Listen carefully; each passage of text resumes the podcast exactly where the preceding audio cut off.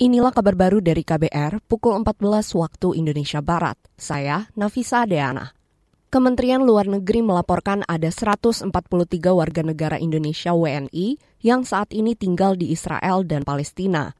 Direktur Perlindungan WNI Kementerian Luar Negeri, Juda Nugraha mengatakan, di antara seratusan WNI itu sebanyak 10 WNI tinggal di Gaza, 40-an tinggal di tepi barat dan sekitarnya, serta lebih dari 90 pelajar di Israel.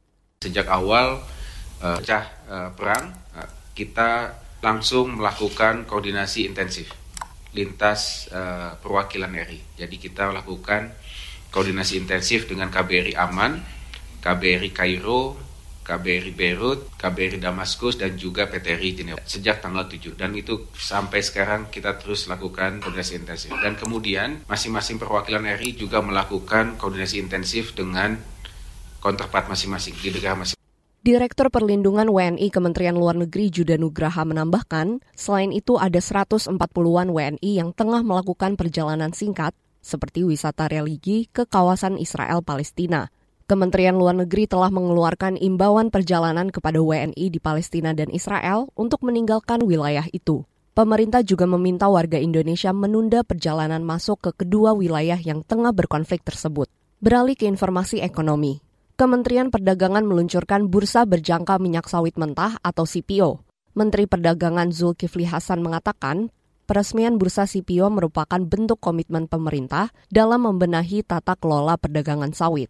Ia mengatakan, peluncuran bursa berjangka CPO diharapkan dapat memutus kebergantungan Indonesia pada harga acuan CPO oleh Malaysia dan Belanda. Kita ingin Indonesia menjadi negara maju pada 100 tahun Indonesia merdeka.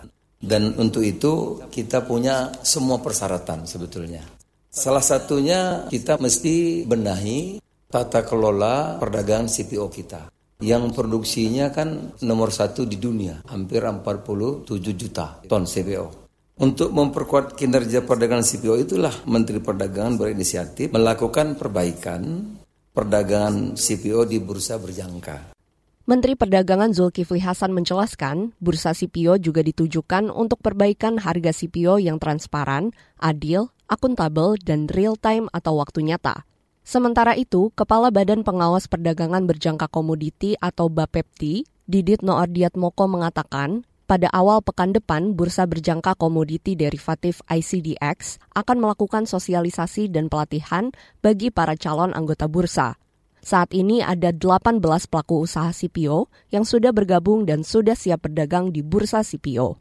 Bergeser ke Jawa Timur, Badan Penanggulangan Bencana Daerah BPBD Kabupaten Banyuwangi mendistribusikan air bersih ke enam kecamatan yang mengalami krisis air. Sekretaris BPBD Banyuwangi Mujito mengatakan, BPBD bersama perusahaan umum daerah air minum Pudam setempat menyalurkan air melalui mobil tangki ke daerah terdampak. Nah, kapan hari kan ke Pangurjo itu, Pangurjo yang di, dusun di desa mana?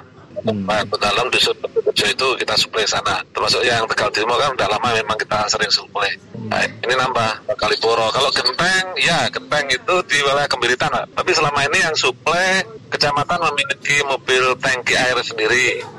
Sekretaris BPBD Banyuwangi Mujito mengimbau masyarakat lebih bijak dalam menggunakan air selama musim kemarau. BPBD menyebut hujan di wilayah Banyuwangi diperkirakan baru terjadi satu hingga dua bulan ke depan. Selain mengirim air bersih sebagai solusi jangka pendek, pemerintah Kabupaten Banyuwangi juga mengupayakan solusi jangka panjang untuk mengatasi kekeringan setiap kemarau. Salah satu caranya dengan menggali sumber-sumber air baru dan memperbaiki infrastruktur pengairan yang ada. Demikian kabar baru dari KBR, saya Nafisa Deana.